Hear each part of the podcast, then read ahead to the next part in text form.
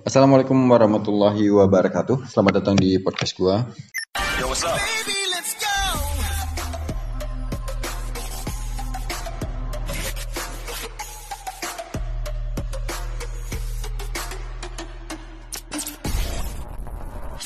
Lagi ngomongin corona ya. Eh,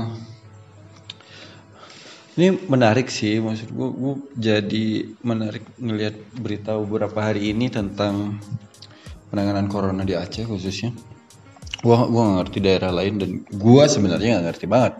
Eh, nggak terlalu paham banget karena gua nggak baca semua beritanya gitu. Tapi eh, beberapa berita yang terlintas itu jadi kayak apa ya kayak menurut gua anjing ini kok jadi gini, eh, pas awal-awal corona itu sekitar bulan 3, bulan 4 itu gue ketemu sama, gue ngobrol sama, gue ngobrol sama Eka, karena dia waktu itu habis nonton film eh, apokalips kayak zombie gitu.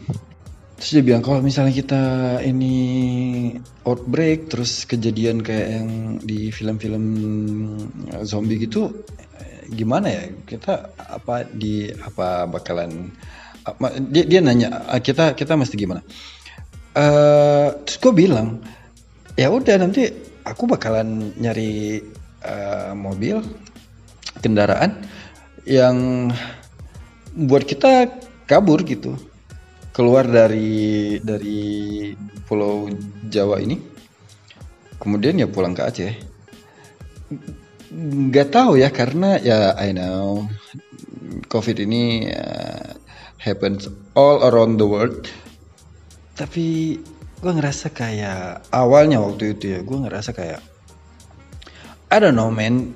Something strange about Aceh. Karena banyak banget hal yang terjadi di luaran sini di luar Aceh yang di Aceh you can be like nothing happen man. Gak tahu ya kenapa ya pertama gue ingat itu pas waktu gue masih kecil krisis 98 yang itu eh, salah satu apa ya menurut gue itu salah satu yang mungkin sampai dengan sekarang yang paling besar dampaknya terhadap negara ini ya tapi di, di Aceh terjadi kerusuhan, penjarahan. uh, I don't know about. Gue waktu itu di Luxmawe. Jadi di Luxmawe itu di pinggir pantainya itu ada namanya penginapan gitu, kayak villa-villa gitu, namanya cottage. Nah di cottage itu banyak dulu tuh karena Luxmawe ini kan kota industri ya di eh, sebutannya tuh petrodolar lah. Jadi banyak orang-orang yang banyak duit dan termasuk juga investor orang yang bekerja di situ dan termasuk orang yang datang di situ dalam urusan bisnis. Jadi Luxmawe ini emang punya tempat hiburan dalam tanda kutip. Dulu, dulu long way uh, masih masih ya orba lah. Nah, jadi gue tahu nih di kam di dekat pantai itu di Luxmawe di pantai Jomblang, ujung Blang itu ada tempat namanya cottage. Nah, nah di saat kerusuhan 98 dulu itu cottage itu di diser- diserang sama orang terus dijarah terus ceritanya karena gua nggak ngeliat langsung itu banyak cewek-cewek PSK yang keluar telanjang gitu segala macam. Di dikejarin karena cottage-nya dibakar di ya rusuh lah. Terus Juna Plaza-nya juga rusuh dijarah apa segala macam. Eh, itu terjadi. Maksud gue itu terjadi di Aceh. Tapi setelah itu kayak eh, moneter dan segala macam m- mm, mungkin gue beruntung ya ada di keluarga yang eh, nggak kaya tapi maksudnya ya mm, berkecukupan lah. Gue ingat waktu itu malah gue main ke Medan gitu pas liburan gitu sekeluarga. Terus dan yang paling gue ingat adalah karena gue suka motor. Eh, lo boleh cek deh 99 atau 2000 gitu. Pokoknya pada saat moneter 98 itu se Indonesia boleh boleh cek di eh, apa namanya ATPM itu eh, seluruh Indonesia penjualan motor paling tinggi itu di Aceh di daerah lainnya itu semua penjualan motor itu berhenti stuck atau turun. Nah di Aceh justru naik dan paling tinggi setelah pada saat moneter. Jadi gue bingung kayak, kayak ada sesuatu yang yang aneh tentang Aceh gitu. Orang uh, maksudnya kayak apa pun boleh terjadi tapi uh, kami tetap makan, kami tetap membeli barang, kami tetap uh, celebrate things, uh, kami tetap uh, beli uh, ya kayak gitu beli beli motor gitu. Itu jauh maksudnya uh, lebih dari 20 tahun yang lalu. Terus uh, sekarang corona ini yang pertama uh, pertama muncul kasusnya di Depok. Uh, Jabodetabek lah terus ke semuanya. Akhirnya Aceh juga masuk. Dan anehnya orang-orang orang-orang itu kayak apa ya kayak biasa aja. Gue ngerti ya maksudnya? Is it a good thing or menjadi cuek dan gak peduli itu apakah apakah itu jawabannya gitu? Mungkin. Ngerti. Karena uh, yang dilakukan oleh pemerintah uh, Aceh waktu itu langsung seingat gue sampai diberitain sama kumparan itu Aceh salah satu yang paling cepat untuk meliburkan sekolah. Terus uh, menutup kotanya. Uh, nggak nggak sampai nggak lockdown cuma di dibatasin. Terus sekolah libur yang pasti yang paling awal tuh. Kalau nggak salah akhir Maret itu sekolah di Aceh udah libur. Uh, terus kantor diliburin uh, instansi pemerintah. Tapi gue nanya sama teman gue ya kantor yang lainnya swasta tetap tetap kerja dan nah anehnya nggak ada WFH di Aceh gitu. Setahu setahu gue ya. Uh, terus hmm, langkahnya cepat dari pemerintahnya terus sampai hmm, bikin beberapa aturan-aturan pencegahan uh, yang menurut gua ya ya mungkin aturan-aturan trial ya yang kayak diberlakukannya jam malam dan akhirnya ada yang ada yang protes ada yang ngerasa uh, it doesn't make sense. Uh, obviously I think so.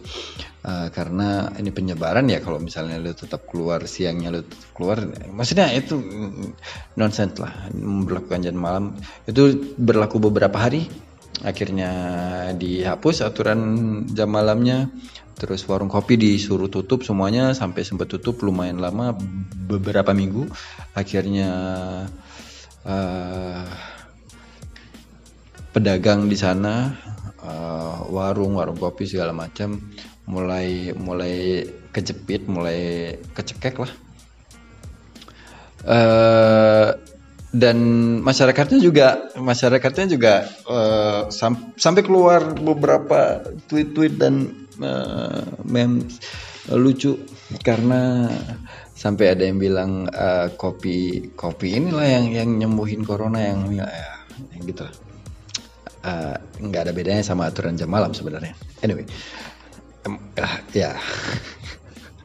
Jadi pemerintah sama masyarakatnya sama-sama pintar ya. Uh, terus uh, aturan jam malam dicabut dan semuanya penanganan di dibikin uh, rumah sakit rujukan. Itu awalnya dua di Curmutia, Luxmawi sama Banda Aceh RSZA terus akhirnya sampai banyak dibikin posko gua dia dibentuk tim uh, gugus covid whatever. Uh, terus sampai dengan hari kemarin akhir Mei ini itu Aceh udah zona hijau dan diumumkan Aceh itu zona hijau. Maksud gua uh, apakah ini benar kinerja pemerintah? Karena ya de, uh, kita ya gua apresiasi pemerintah di sana melakukan melakukan kinerjanya mungkin atau mereka cuma yang jalan kita ngapain ya? kita coba ini pak. Oke yuk jalanin gitu. Kita coba ini terus ke, karena karena nggak ada terobosan. Aduh gimana ya? Sorry sorry kalau misalnya gue ter, ter, terkesan jadi uh, judgmental gini ya. Tapi kayaknya yang mereka lakukan itu nggak ada beda dengan di daerah lain gitu. Terus masyarakatnya juga kayak nggak peduli nggak boleh nongkrong tetap nongkrong social distancing whatever kayak gitu. Terus masih tetap ke warung kopi masih tetap kayak biasa kayak biasa aja. Uh, dan yang paling dan, dan beberapa yang jadi kontroversi adalah kayak tempat ibadah disuruh tutup masjid in this case. Masjid disuruh tutup tapi ada beberapa masjid yang tetap buka kayak jumatan di sana masih tetap jalan cuma beberapa masjid doang yang gak jumatan. Uh, terus ada aturan saat berjamaah tapi dibikin jarak. Uh, itu juga sempat jadi omongan tapi oh, gue ngerti. Uh, terus apalagi ya? Maksudnya maksudnya uh, gue nggak ngerasa ada sesuatu yang spesial yang dilakukan oleh pemerintah ataupun masyarakatnya. Terus what's uh, uh, apa ya oh apa apa titik pentingnya tuh kuncinya tuh di mana gitu sehingga Aceh jadi salah satu daerah yang dicontoh eh, dan juru bicara tim gugus covid ini kan mengumumkan uh, Aceh ini salah satu yang terbaik. Nah maksud gue indikatornya apa? Kalau misalnya dari jumlah pasien, uh, uh, uh, jumlah infected yang terinfeksi atau jumlah yang sembuh atau jumlah korban? Ya mungkin ya. Uh, tapi dilihat dari masyarakatnya kayaknya tidak mengindahkan apa pun. Uh, dilihat dari mm, no offense I mean pemerintah di sana melakukan the, the, the good thing I guess I don't know. Mungkin. Uh, tapi apa yang bikin Aceh ini jadi uh, bisa beres? Itu setelah diumumkan Aceh jadi zona hijau semuanya mulai kembali normal which is everyday is normal. Di sana I guess di Aceh. Uh, terus uh, yang sekarang gue lihat ini uh, yang sekarang gue ngeliat kayak jadi salting gitu. Nggak tahu jadi ini ini pemerintahnya jadi salting gitu karena dapat pujian terus jadi salting uh, whatever Uh, terus tapi salah satu yang gue apresiasi karena tidak di semua daerah punya. Jadi di Aceh itu bisa ada laboratorium khusus di Unsia yang akhirnya di approve sama pusat untuk dijadikan laboratorium khusus untuk tes uh, untuk hasil uh, untuk mengeluarkan hasil swab test. Anyway, dan sekarang itu dijadiin uh, boleh tes berbayar ada ada tesnya ada rapid test ada swab test which is uh, uh, mahal menurut gue terus ada cerita kemarin Tirta itu uh, di Twitter. Karena dia sempat balik ke Aceh dari Jakarta sempat balik ke Aceh terus balik lagi ke Jakarta. Ternyata untuk balik ke Jakartanya itu harus di di pesawat itu harus punya surat bebas COVID. Nah, surat bebas COVID ini bisa didapat dengan uh, tes rapid test itu. Anyway, itu bayarnya mahal. 600 ribu, 650, 700 ribu untuk rapid test dan 1 juta 400, 1 juta setengah, 1 juta 700 itu paket platinum nggak ngerti. Uh, it really is karena lu bisa ngelihat itu ada paketnya. Jadi udah dipaket-paketin sob, udah kayak KFC aja nih jualannya. Anyway, uh, aduh, ya gimana ya? Maksudnya, uh, ya kan prinsip ekonomi gitu. Selama ada permintaan ya pasti akan ada supply-nya gitu, ya kan? tinggal uh, bahasa marketingnya mungkin ya paket platinum itu sekalian konsultasi sama dokter dan ya segala macam lah dengan tes PCR uh, aduh anjing. Julid julid terus julid ya dari tanpa julid uh, terus ya yang yang balik lagi yang gue iniin jadi pemerintah nih kayak jadi salting jadi gimana ya ngerti gak sih? Kayak orang ya, lu nggak ngapa-ngapain terus tiba-tiba orang apresiat wah lu keren banget. Uh, oh, oke. Okay. terus dia berusaha untuk semakin terlihat keren kan kita terbiasa gitu. Jadi uh, kalau misalnya kita biasa aja nih cuma melakukan uh, eh basic casual things. Hmm, terus ada muji terus kita akan cenderung ada intensitas untuk melakukan uh, itu uh, seperti yang di, di, di, dipujikan ke kita. Kayak misalnya wah kamu rajin ya terus besoknya kita jadi lebih rajin jadi lebih cepat masuk ke kelas gitu. Ya gak sih maksudnya uh, ya udah uh, biasa aja gitu. Menurut gua ya maksudnya nggak usah sampai aduh kayak karena gue masih nggak tahu rahasianya apa. Kayaknya yang dilakukan sama aja. Yang daerah lain lakukan mas amin eh, nggak uh, mungkin uh, mungkin aja sih. Tapi pusat itu kan pasti selalu lebih di depan daripada uh, daerah. Jadi nggak mungkin uh, di daerah lebih pinter mungkin know. jadi jadi kayaknya yang dilak, yang dilakukan sama aja. Nah terus uh, aduh gue mau ngomongin ini tapi ragu. Ya jadi atau ini mungkin uh, politik pencitraan ya?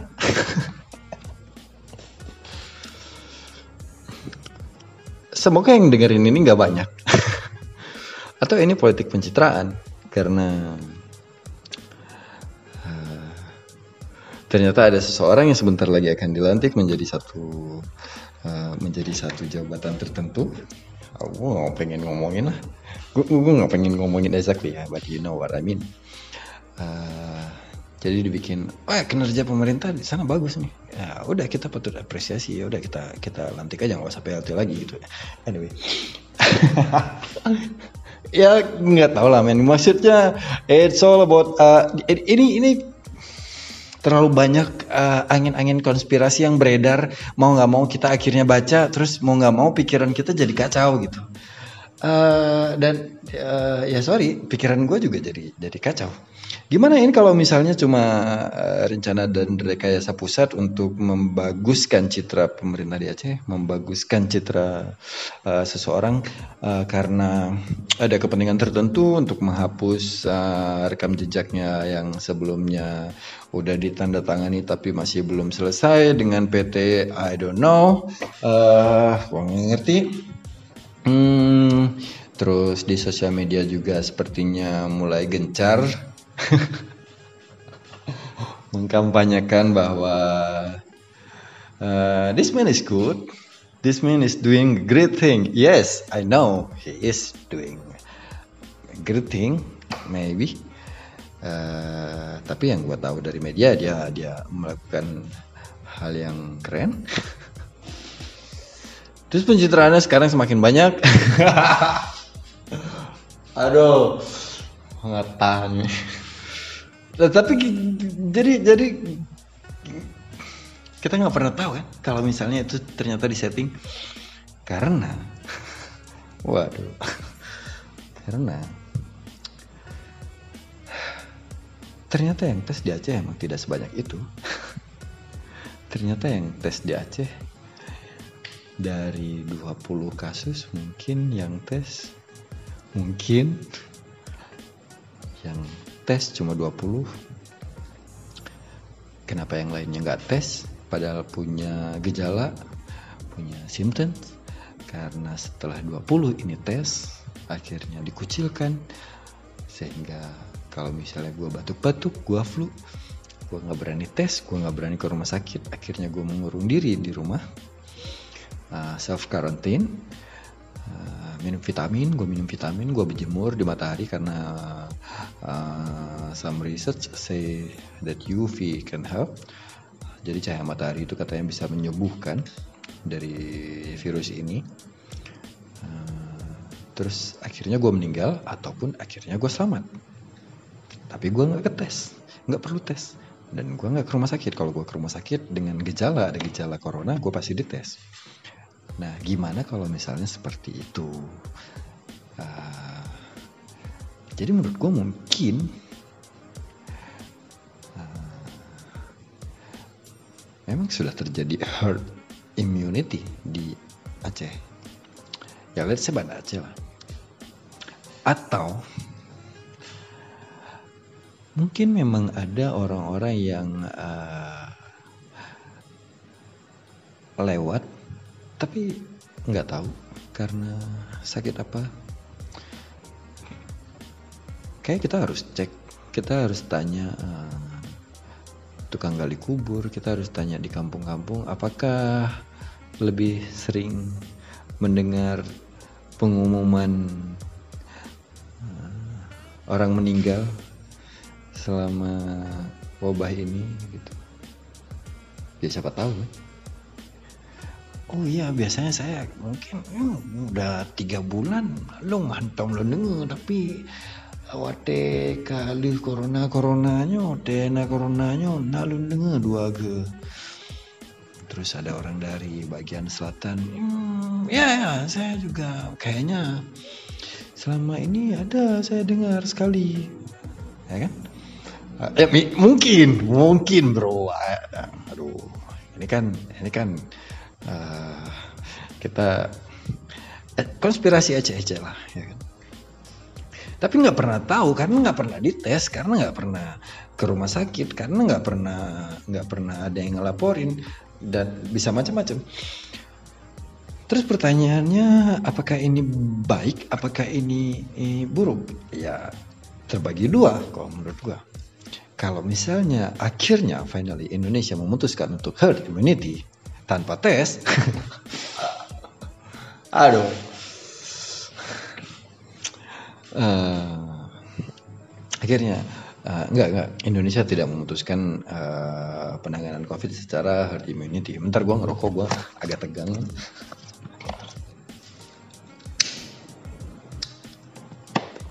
Indonesia tidak uh, menangani COVID dengan herd immunity. Indonesia hanya berdamai. Ini udah banyak banget dicandain sama orang-orang. Gue ngapain lagi bercandain damai-damai ini ya? Ya udah deh. Bodoh amat lah, berdamai kayak nggak ngerti. Kenapa sih? Kenapa pejabat uh, kenapa pejabat-pejabat kita suka banget mainin komunikasi politik ya? Kayak disangkanya kita ini semuanya bego. Anyway balik lagi ke Aceh. Nah uh, akhirnya Aceh zona hijau. Dan dan sekarang jadi percontohan. Terus hari ini gue ngeliat ada dibikinin video untuk dijadikan contoh. Gua nggak ngerti juga. Untuk dijadikan contoh. Ya kayak sampel produk kayak model lah di era lain Nah gue ngeri nih, gue ngeri nih. Karena yang ngomongnya beliau nih, ya kan? Yang ngomongnya Pak PLT Gubernur.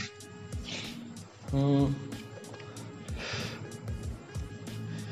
Karena kayak gue bilang tadi, kenapa kenapa uh, pemerintah aja jadi salting ya? Padahal itu di pusat itu udah ada udah udah dapat pengalamannya. Itu orang pusat itu pejabat-pejabat di pusat itu ada yang ngomong bahkan orang yang in charge langsung uh, terhadap kesehatan ngomong ah nggak ada corona nggak ada corona nggak ada di Indonesia gitu. Uh, terus akhirnya sekarang mukanya di mana? Ya disembunyiin kan? Terus ada lagi uh, yang ngomong corona nggak uh, masuk ke Indonesia. Akhirnya outbreak akhirnya terjadi dan uh, ya speak speak babi ujung-ujungnya gitu maksud gue kenapa nggak belajar dari itu gitu Terus ternyata Aceh sekarang udah jadi zona hijau, ya syukur, alhamdulillah. Tapi jangan sombong, jangan kayak, aduh, ya jangan sombong men, bahaya, bahaya asli. Karena gue takutnya nanti misalnya terjadi seperti apa yang terjadi di Indonesia, karena kita tahu yang dilakukan di Aceh ini is not one of the best way untuk menanggulangi virus ini. Nah, gue takutnya nanti ketika terjadi sesuatu dan terjadi, ketika nanti rame lagi kasusnya, nah, kan jadi malu nih bapak gitu. Atau ya kalau misalnya ini settingan seperti yang gue bilang tadi, nggak gue bilang maksudnya ini ini ini kita misal. Misi ya kan tak pegah apa misi ya disetting lah sedemikian rupa sebersih mungkin serapi mungkin sehingga ini eh, nggak uh, sampai jadi flop. Karena kalau nanti ini jadinya flop dan ternyata di Aceh outbreak waduh bro mau mau mau. Kalau ternyata nanti uh, jadinya flop dan kebongkar dan akhirnya karena kita harus akui virus ini masih ada uh, di di dunia ini dan dan sangat besar kemungkinannya ada orang yang bepergian keluar masuk Aceh. Nah jadi daripada kita bersombong, mending kita uh, bersabar dan terus um, antisipasi terus waspada sama virus ini gitu menurut gua nih ya kan ya gitu kali ya aduh anjing ada isinya goblok udah setengah jam lagi semoga aja ya kita kita berharap gue berharap semoga aja benar jadi zona hijau dan Aceh jadi selesai terhadap terhadap virus uh, COVID-19 ini. Ya thank you udah dengerin dah.